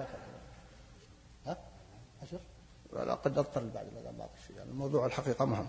أه لاحظوا في الإعلام تشويه الإسلام والحقبة الناصعة في تاريخنا مثل وصف تلك الحقبة أي تاريخ السلف ومن بعدهم وحياتنا الحقبة السوداء الظلامية التخلف الجمود الرجعية. هل تعرفون أن أحد هؤلاء المشهورين وهو موجود الآن ومتنفذ؟ أتعرفون ماذا قال؟ قال إن بلادنا يقصد الجزيرة المملكة تعيش في الظلام منذ ثلاثة آلاف سنة. طبعا. تصوروا نعم. وهو الآن شخص له نفوذه وله مكانته. وهذه قصة معروفة طبعا. إن بلادنا لم ترى النور. يعني لم تنر النور منذ ثلاثة آلاف سنة. هذه كفاية. هذا في الإعلام متكرر أيضا. وأيضا تشويه صورة العلماء والدعاة. مرة معقدين متشددين متزمتين ضد التطور حتى تشوه سمعتهم. في المقابل ترسخ مصطلحات تمجد الغرب وتثني على فترة الاستعمار لبلاد المسلمين.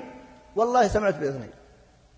ملكة بريطانيا زارت دولة خليجية. قد استعمرتها بريطانيا سنة من السنوات. فوزير الدفاع في تلك الدولة أثناء الحفل عنه مباشرة يشكر ملكة بريطانيا على استعمارها لبلاده. نعم. فالآن طيب ما الذي يحدث في الإعلام؟ يقولون عن هذه الفترة عصر النهضة. هذا عصر الاستعمار عصر التنوير. الحضارات الغربية العالم المتقدم العالم الحر تكرارها يخدع أبناء مساكين ويرون نظرة إعجاب لهؤلاء. أيضا وفي نفس وقته تشويه واقع المسلمين.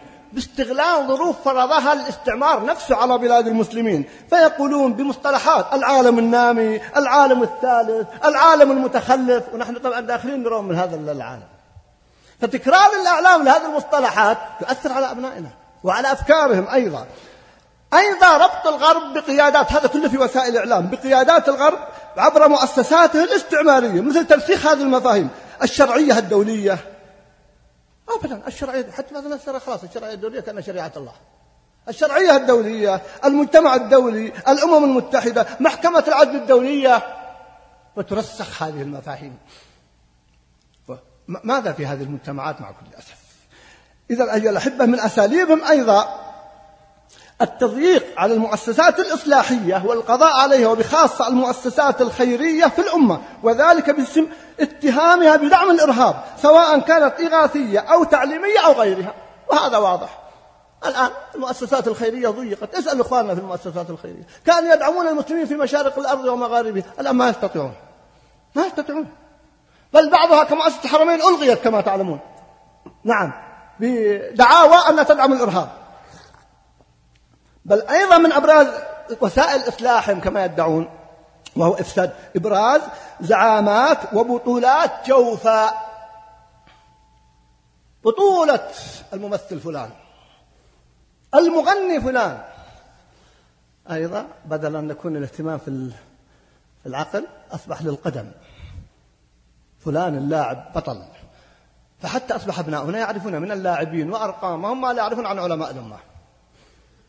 وأذكر في مسابقة سئل أحد الشباب هل تعرف محمد عبد الوهاب؟ قال لي الموسيقار المعروف. نعم. طبيعي.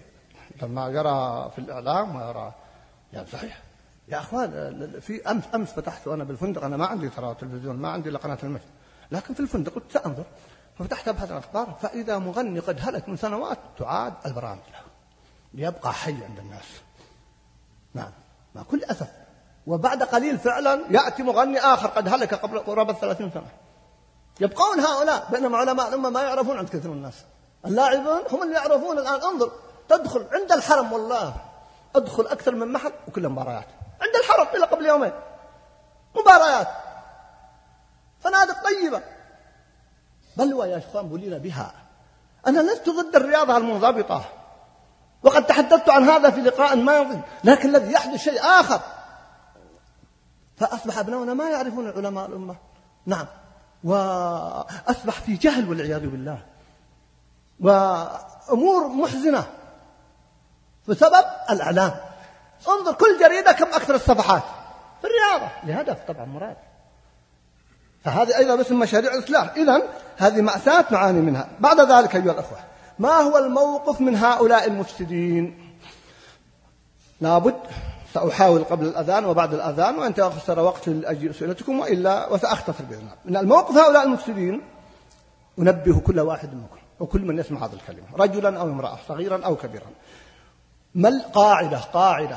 من لم يساهم من لم يكن مصلحا أو يساهم في الإصلاح بلا عذر فهو مفسد أو داعم للإفساد والعياذ قد تكون الحكم صعب شوي. سأعطيكم الأدلة من الكتاب والسنة. أقول من لم يكن مصلحا أو يساهم في الإصلاح يعني لم يساهم بدون عذر فهو مفسد أو معين للإفساد شاء أم أبى. طيب في قاعدة كونية لمن شاء منكم أن يتقدم أو يتأخر. فالذي لا يتقدم يقينا هو يتأخر والذي يتقدم بالإصلاح الشرعي الصحيح وإلا فهو يتأخر أن يقع في الإفساد. ما في وسط. ما في جزيرة وسطية. ما في لا جنة ونار. طيب من الأدلة على ذلك يقول الله جل وعلا لعن الذين كفروا من بني إسرائيل على لسان داود وعيسى بن مريم. ذلك بما عصوا وكانوا يعتدون مفسدون. كانوا ماذا؟ لا يتناهون عن منكر فعله يعني بعضهم ما وقع في المنكر لكنه لا ينهى عن المنكر. وقد بينه النبي صلى الله عليه وسلم في حديث آخر. أيضا يقول النبي صلى الله عليه ويبينه نعم. وما كان ربك ليهلك القرى بظلم وأهلها مصلحون. لاحظوا الآيتين في سورة الأعراف في سورة هود. وما كان ربك ليهلك القرى بظلم وأهلها مصلحون. وفي آية آه، القصص وما كنا مهلك القرى إلا وأهلها ظالمون. وتفسير هذه الآية حديث أم سلمة وقيل زينب أنهلكوا وفينا الصالحون؟ قال نعم إذا كثر الخبث. آيات النجاة كلها التي جاءت بالقرآن خاصة بالمصلحين. تدبروها في القرآن. أذكر منها واحدة. وأنجينا الذين ينهون عن السوء. أي يواجهون هؤلاء المفسدين تحدثت عنهم. بسبل بالسبل الشرعية. وأنهينا الذين وأنجينا الذين ينهون عن السوء. وأخذنا الذين ظلموا بعذاب بئيس. فنعوذ بالله أن نكون من هؤلاء. حديث أبي بكر رضي الله تعالى عنه في تفسير لا يضركم من ضل إذا اهتديتم. قال سمعت النبي صلى الله عليه وسلم يقول إن الناس إذا رأوا الظالم فلم يأخذوا على يديه أوشك أن يعمهم الله بعقاب من عنده. صححه الترمذي والمقدسي في المختارة. فالذي لا يأخذ على يد الظالم ومن أظلم من الناس هؤلاء المفسدون كما قلت. نعم أيها الأحبة. وأيضا لكن ويقول الله جل وعلا واتقوا فتنة لا تصيبن الذين ظلموا منكم خاصة أي الذين باشروا الظلم. ويفسره قول النبي صلى الله عليه وسلم يوضحه حديث السفينة. في ناس ما لم لكن إذا لم يأخذ على يد السفينة أو يد الظالم غرقت السفينة. إذا الذي لا يباشر الإصلاح ولا يساهم في الإصلاح فهو داخل في هؤلاء ولو في الدنيا ويبعث على نياته. لكن يستثنى من هؤلاء من قال الله فيهم نعم آه، في المستضعفون كما بين الله جل وعلا في سورة النساء. نعم. فأولئك عسى الله إلا المستضعفين من الرجال والنساء كما بين الله جل وعلا. والولدان إلا المستضعفين من الرجال والنساء والولدان الذين لا يستطيعون حيلة ولا يهتدون سبيلا. فأولئك عسى الله أن يعفو عنهم وكان الله عفوا غفورا.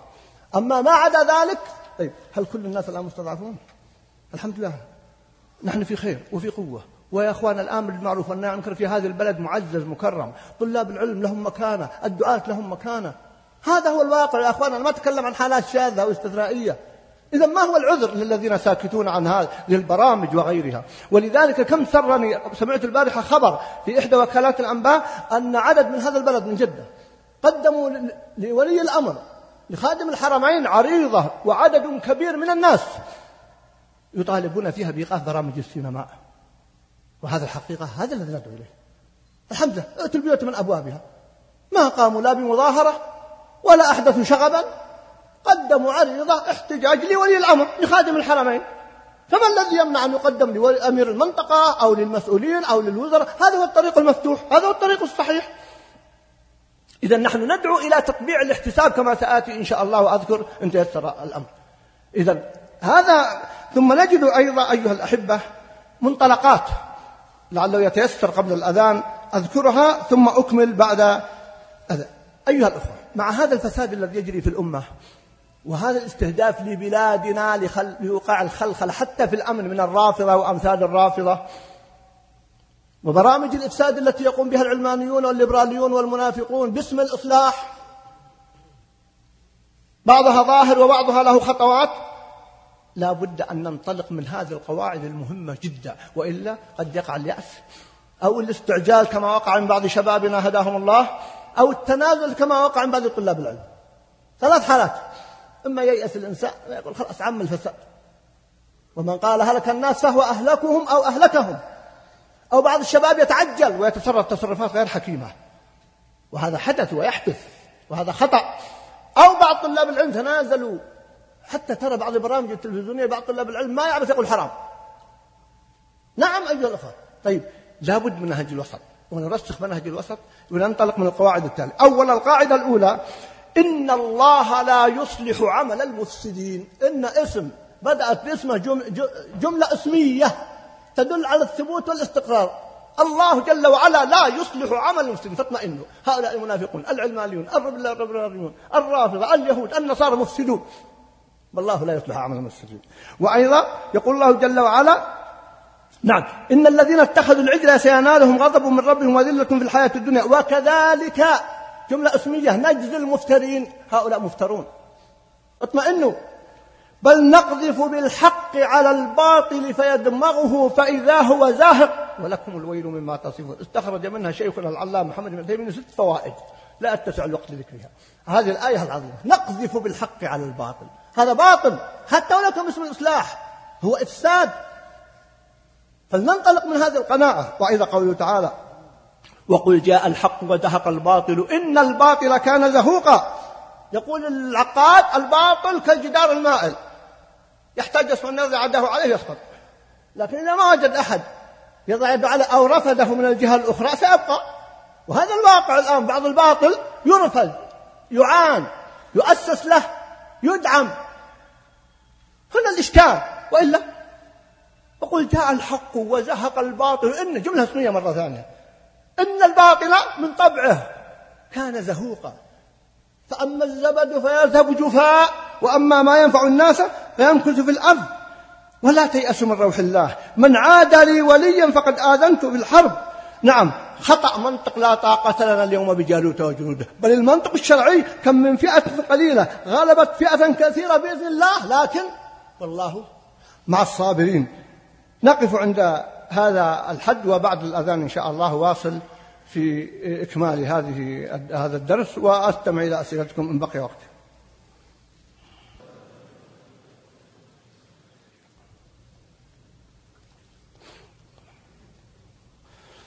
بسم الله الرحمن الرحيم.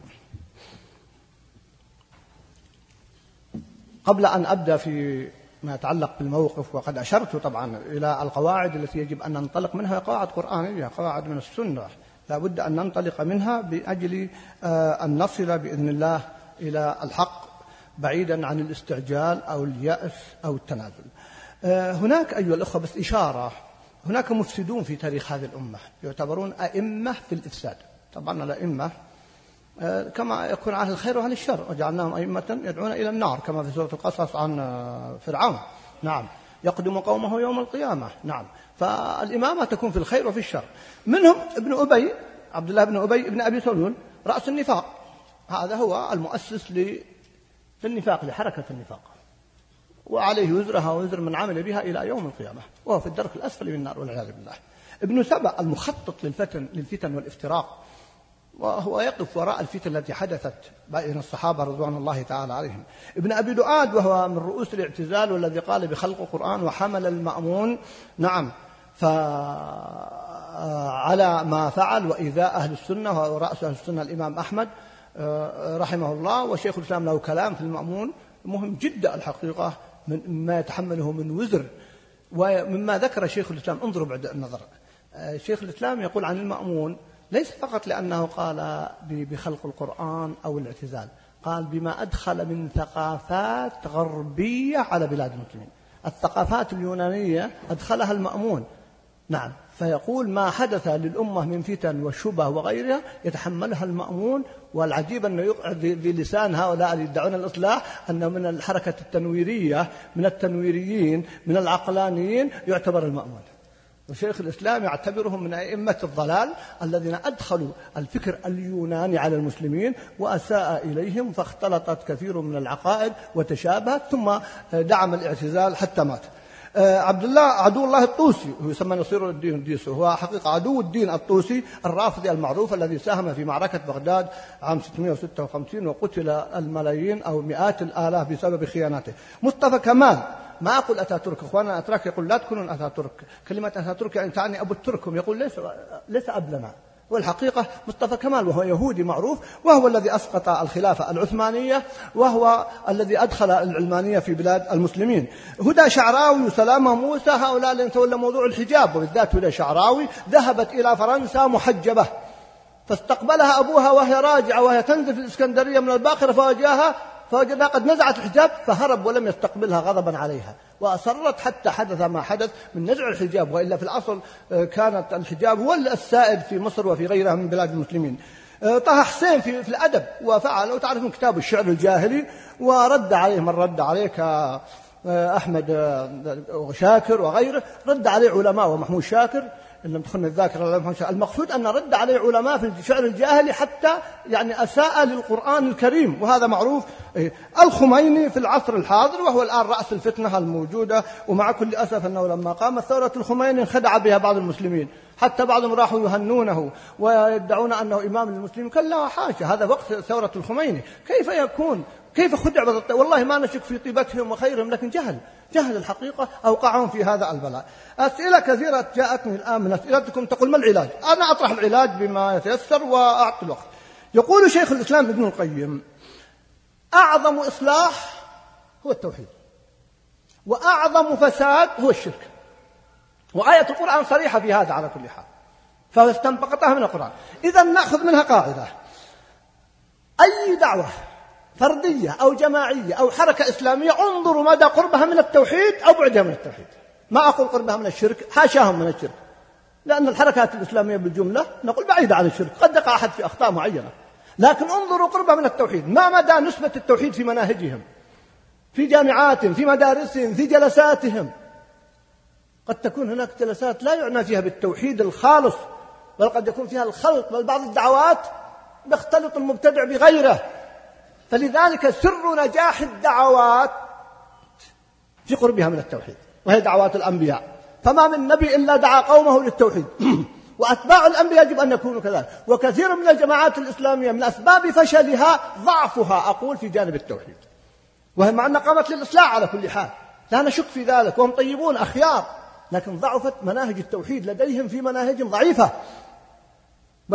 فلهذا حدثت مصائب ومشكلات لا تخفى على أمثالكم. أيضا من الواجب لمواجهة برامج الإفساد فضح خطط الأعداء والمتآمرين معهم من أبناء الأمة. نعم.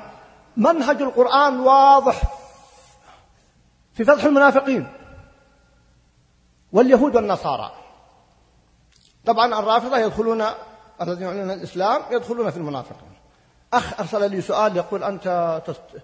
يقال أنك تكثر من نظرية المؤامرة. سبحان الله العظيم القرآن مليء آه، في, في هذا الأمر.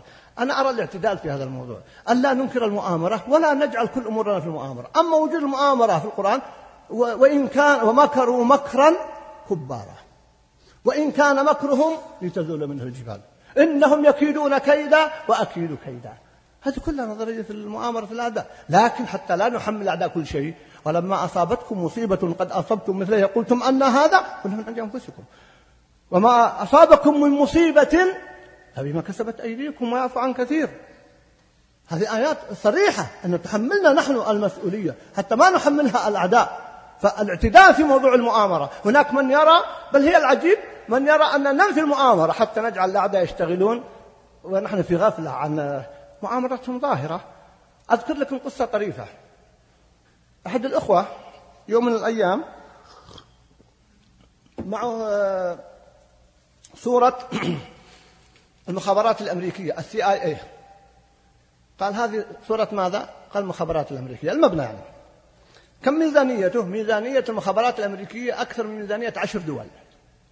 قال طيب هذا المبنى أو هذا ال CIA تنتج سيارات قال أحد لا. طيب تنتج بواخر؟ لا. تنتج خبز؟ قال لا. قال تنتج حذاء؟ لا. وش تنتج؟ مؤامرات. كل شغلها مؤامرات. وتصدق. هذا الواقع. لماذا نحن ننكر نظرية المؤامرة؟ ال CIA هو من يتبعها. كلهم نظرية مؤامرات.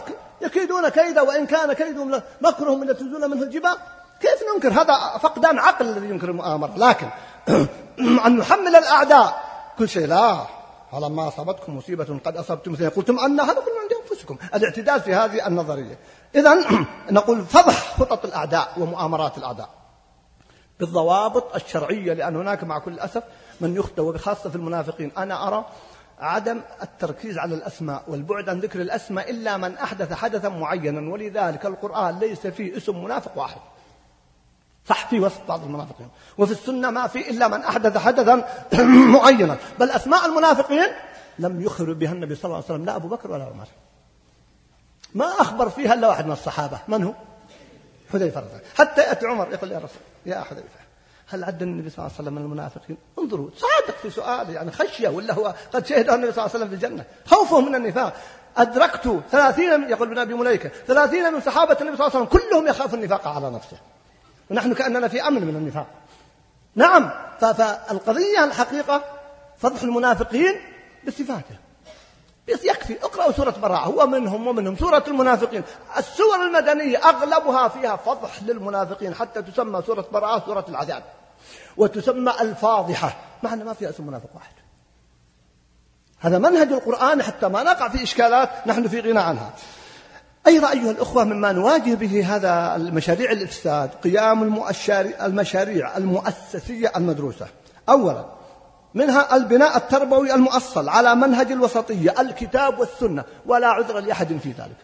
التربية أيها الأخوة خيار استراتيجي في كل الأحوال. الأنبياء يبدأون دعواتهم بالتربية والنبي صلى الله عليه وسلم جلس ثلاث سنوات يدعو سرا يربي صحابته ثم أعلن دعوته واستمر يربي حتى لقي ربه صلى الله عليه وسلم. الربانيون الأحبار وكأي من نبي قاتل معه الربيون كثيرا. قال العلماء الربيون هم الذين يربون الناس بصغار العلم قبل كباره والأحبار هم الذين يربون الناس بكبار العلم. إخواننا في روسيا ما حافظوا على دينهم أيام الشيوعية سبعين سنة إلا من خلال التربية. إذا المرأة تسأل ماذا أفعل؟ التربية ولك أنا أرى من أفضل مجالات المرأة هو التربية. تربي أولادها تربي أجيال المسلمين وهذا المجال الحمد لله عندنا في بلادنا مفتوح الحمد لله. كما قلت لكم في التعليم النساء أكثر من الرجال كما ذكر لي أحد المسؤولين. هذا هو التربية وهذا مجال المرأة. لسنا ضد عمل المرأة إذا كان في مجالها الشرعي إطلاقا. لا يفهم هذا لكن في مجالها الصحيح وليس في غير مجالها. اثنين بعد البناء التربوي المؤصل إقامة المؤسسات المدنية التي تخدم المجتمع. نحتاج إلى مؤسسات تخدم المجتمع. في الإغاثة في العلاج في الدعوة في, في كل شيء. لماذا نضع اللوم دائم والمسؤولية كلها على الدولة؟ الدولة لا تستطيع أن تفعل كل شيء. المجتمع توسع فالدولة تأذن وتسمح بمؤسسات تخدم الناس وهي موجودة الحمد لله. فلنبادر لإقامة هذه المؤسسات خدمة لديننا وبلادنا وعقيدتنا وحماية لأجيالنا. ثم ميزة هذه المؤسسات يا أخوانا معلنة واضحة تحت إشراف جهات رسمية أيا كانت. فالمفتاح ما الذي يمنعك أن تقيم عملا مؤسسيا؟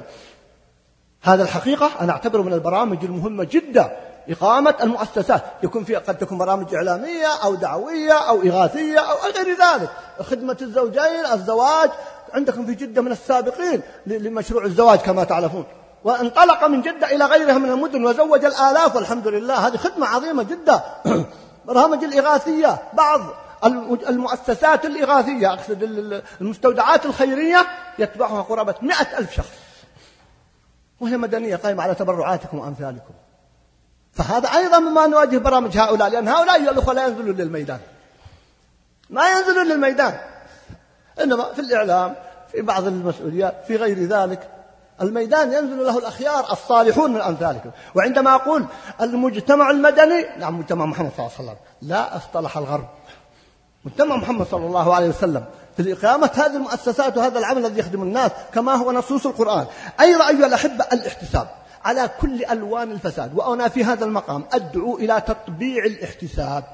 لا تقول الاحتساب مسؤولية الهيئات فقط أو مسؤولية العلماء فقط أو طلاب العلم فقط مسؤولية كل واحد. كل مسلم عليه مسؤولية. النبي صلى الله عليه وسلم ماذا قال؟ قال من رأى منكم ما قال من العلماء ولا من كبار الصحابة من رأى منكم منكرا فليغيره. بيده. طيب إذا لم يستطع كثير والله من المنكرات ما نستطيع أن نغيرها بيدها. وأنا أرى أيضا أن ما تغيرها بيدك. طيب فبلسانه الحمد لله في بلادنا لا عذر لأحد في رأيي. قد تبقى حالات استثنائية أما لا عذر أحد أن يغير بلسانه. يدخل على أكبر مسؤول في البلد. والله هذا مجرد. يدخل على خادم الحرمين على أمير المنطقة بحكمة وبأسلوب طيب وسيجد الاحترام والتقدير. يقدم له نصيحة يتكلمه ولا يرى إلا الخير بإذن الله. بشرط أن يلتزم بالضوابط الشرعية. طيب من رأى فليغيره بيده. طيب نقول للذي ما نستطيع. صحيح للجهات المسؤولة.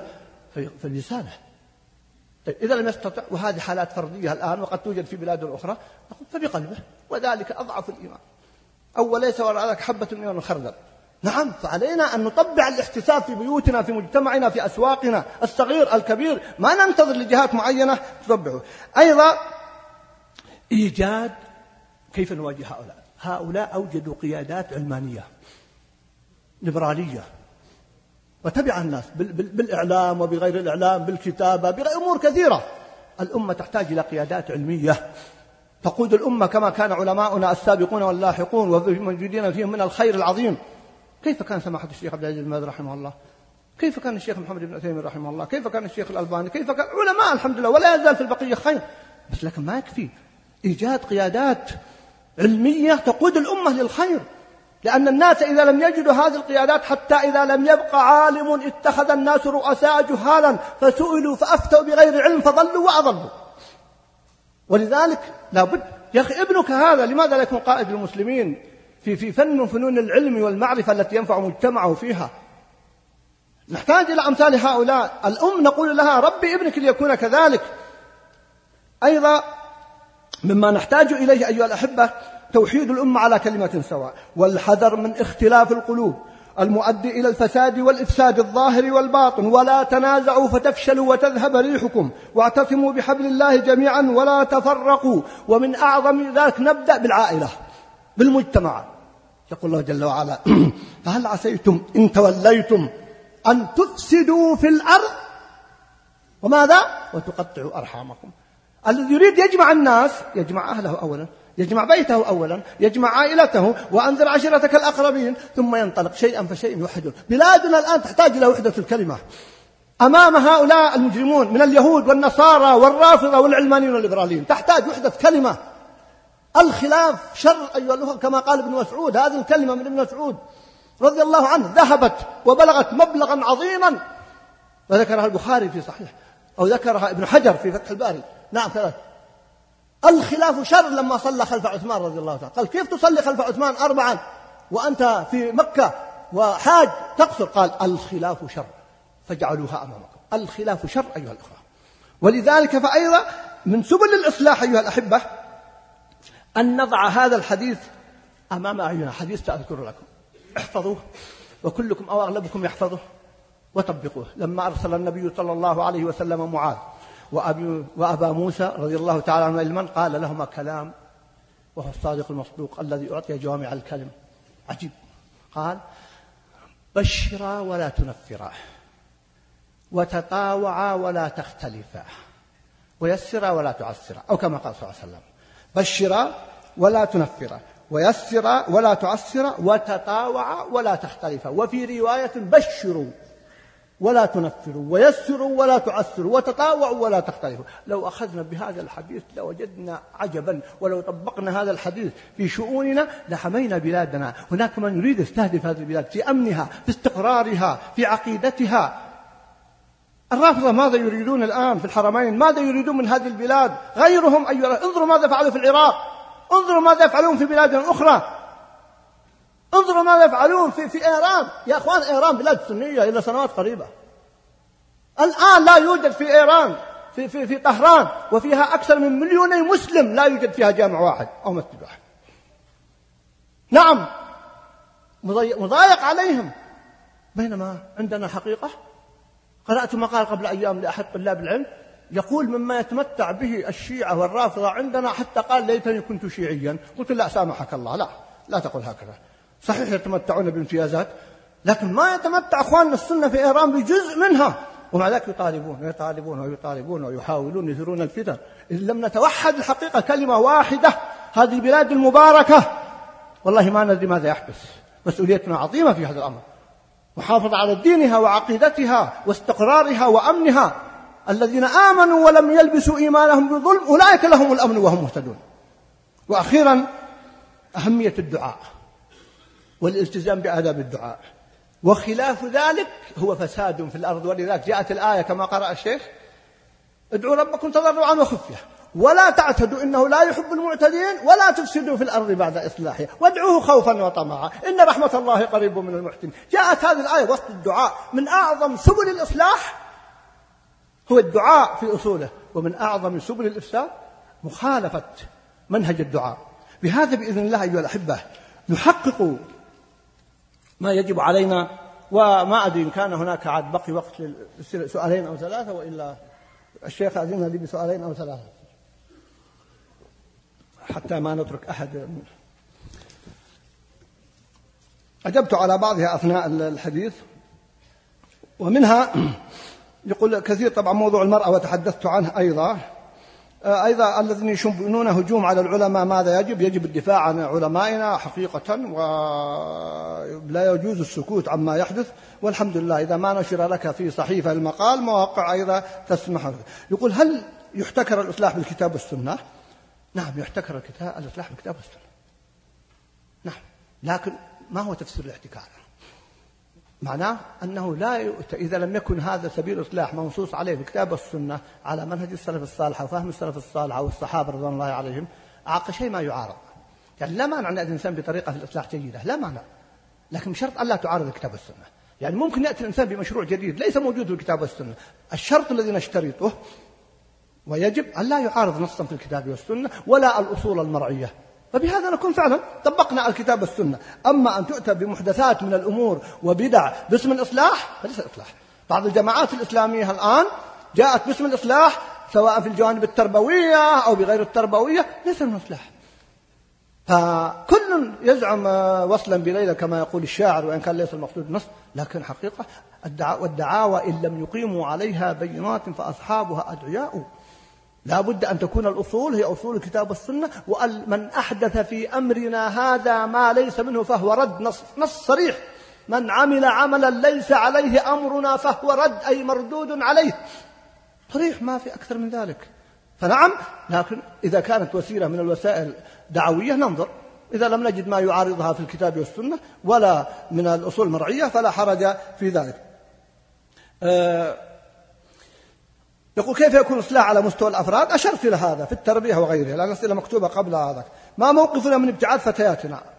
أنا أتعجب من أب يسمح لابنته فعلا تذهب آه، هناك وتدرس هناك. هل نحتاج إلى فعلا هذا الأمر؟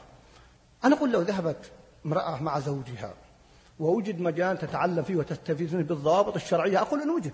فنقول لا حرج أما فتيات الآن لم يتزوجن يذهبن هناك بل فيه مشكلة يا أخوان. مشكلة حقيقية. والله نقل لي أحد الأخوة عن بعض الملحقيات الثقافية الدولة عندنا تشترط ما تذهب فتاة إلا بمحرم. هذا شرط جيد طبعا حقيقة شرط جيد. أنا إذا كان ولا بد يعني ولا ما أرى هذا. طيب يذهبون هناك ثم إذا وصلت البنت الجامعة رجع. يقول بعض المسؤولين هناك في الملحقيات يقول ما عندنا شرط نمنعه من الرجوع. فإذا أرادت ترجع ذهب وأرجعه أي تطبيق هذا تحايل على هذا هذا النظام. فالحقيقة تعجب الآباء الذين يرسلون فتياتهم وفلذات أكبادهم. والله سبحانه وتعالى يقول وقرنا في بيوتكم. بلادنا فيها خير يا أخي الكريم. الجامعات موجودة. التعليم موجود حتى في الدراسات العليا. ماذا يحوجنا عند الغرب؟ لكنها فتنة وبلاء. نسأل الله السلامة والعافية. طيب ف هذا الأخ يسأل عن قضية مالية يقول فيها مشا... كيف يتخلص من المال؟ هذا يحتاج سؤال وتفصيل فيه. أخيرا أيها الأحبة أسأل الله جل وعلا أن يحفظنا وإياكم وأن يحفظ بلادنا وبلاد المسلمين كل شيء. بقيت نقطة واحدة نسيتها أحد الأخوة يقول أنت تشير كثيرا لهذه البلاد. هل يعني أن الخير محصور في هذه البلاد؟ والله ما قلت هذا الكلام. لكن العدل مطلوب يا أخي الكريم. ائتني بدولة من دول المسلمين المحاكم كلها شرعية فيها. أنا أقول الأخ يقول إذا يأتيني بدولة المحاكم العامة شرعية. أنا ما أعرف. بعض الدول يوجد فيها محاكم شرعية طبعا وقانونية وبعض الدول الإسلامية ما يوجد فيها قلت لكم حتى ولا شرعية إلا في الأحوال الشخصية وبعضها ما يوجد حتى ولا في الأحوال الشخصية. فلا وربك لا يؤمنون حتى يحكموك فيما شئتم ائتني بدولة فيها اجتهاز على مستوى وزارة هيئة الأمر بالمعروف والنهي عن المنكر. وأمور كثيرة. نحن ما نغبط أنا قلت في كلماتي هناك مسلمون هناك أخيار لنا يا أخوان والله ما أتعصب لأحد. الجهاد موجود في بلاد إسلامية كثيرة العلماء والدعاة. سبحان الله نحن لسنا إقليميون يا إخوان. ولا يجوز ولا نتعصب والحزبية خطيرة والتعصب خطير. أئمتنا الحمد لله كما تعلمون نعرفهم ولم ننظر. فالقضية ليست هكذا. كثير من من يدرس عندنا من إخواننا في بلاد المسلمين نحن وإياهم سواء وحق لهم. والله بلا منة. بل إخواننا الذين يأتون لهذه البلاد من المسلمين حق لهم. بل إنني نسيت أن أشير إلى أن من الظلم وهو من الإفساد ظلم العمال ظلم الأجراء. والله أنني أخشى أن تحل عقوبة علينا في هذا البلد مما يوجد من ظلم على العمال. من استأجر أجيرا فليعطي أجره قبل أن يجف عرق يقول النبي صلى الله عليه وسلم. حقيقة في ظلم للعمال كثير من العمال لا أعمم الحكم وهؤلاء الضعاف المساكين. طيب ثم لماذا نمن على بعضنا؟ إخواننا يأتون خدمتنا ومساعدتنا وبأزهد الحقوق. هم أقل الناس حقوق. وكأننا نمن عليهم. وهناك ربما من يطلق ألقاب على هؤلاء. ما يجوز يا أخوان. لا لكن أنا أتكلم عن حالات عامة. أتكلم عن واقع. ليس تعصبا هذه حكاية واقع. لا أقل ولا أكثر. وإلا مشايخنا الذين ربونا وتربينا عنهم كثير من مشايخنا من خارج هذه البلاد. هذا هذه كلمة هذه البلاد وغيرها هي حدود؟ لم تكن موجودة في بلاد المسلمين. أنشأها الاستعمار مع كل أسف هو مزق بلاد المسلمين وقسمها هذا التقسيم. وإلا وأن, وإن هذه أمتكم أمة واحدة وأنا ربكم فاتقون وأنا ربكم فاعبدون. نعم في آيتين كما تعلم في سورة الأنبياء وفي سورة آه، في المؤمنون. أمتكم أمة واحدة. المسلمون أخوة في كل مكان عرب أو غير عرب لا شعوبية لا أقليمية لا وطنية. لكن عندما أتحدث هذه مهد الإسلام. فيها الحرمان نعم أيها الأحبة هذه لابد أن هذا هذا القدر الموجود الآن. فعندما نتحدث نعدل أيضا. ولا نظلم أنفسنا ولا نبخس أحدا حقه. لكننا نعرف أن هناك من الأخيار من الدعاة من الصالحين في بلادنا من قد يفوق كثير مما يوجدون في بلادنا. لا أشك لكن كأفراد أو كمجموعات لكن على مستوى دولة قد لا يوجد بهذا الشكل. هذا حدود علمي ومن عنده خلاف ذلك فليدلني عليه. دون تعصب ولو علي أن الدرس القادم إذا أثبت لي ذلك أن أعلن هذا. وأسأل الله أن يقينا شر الفتن ما ظهر منها بطن وأحفظنا وإياكم وأحفظ بلادنا وبلاد المسلمين من كل سوء. أقول قولي هذا وأستغفر الله لكم وصلى الله وسلم وأعذروني على التأخر هذه الدقائق. فالوقت معكم جميل. والسلام عليكم ورحمة الله.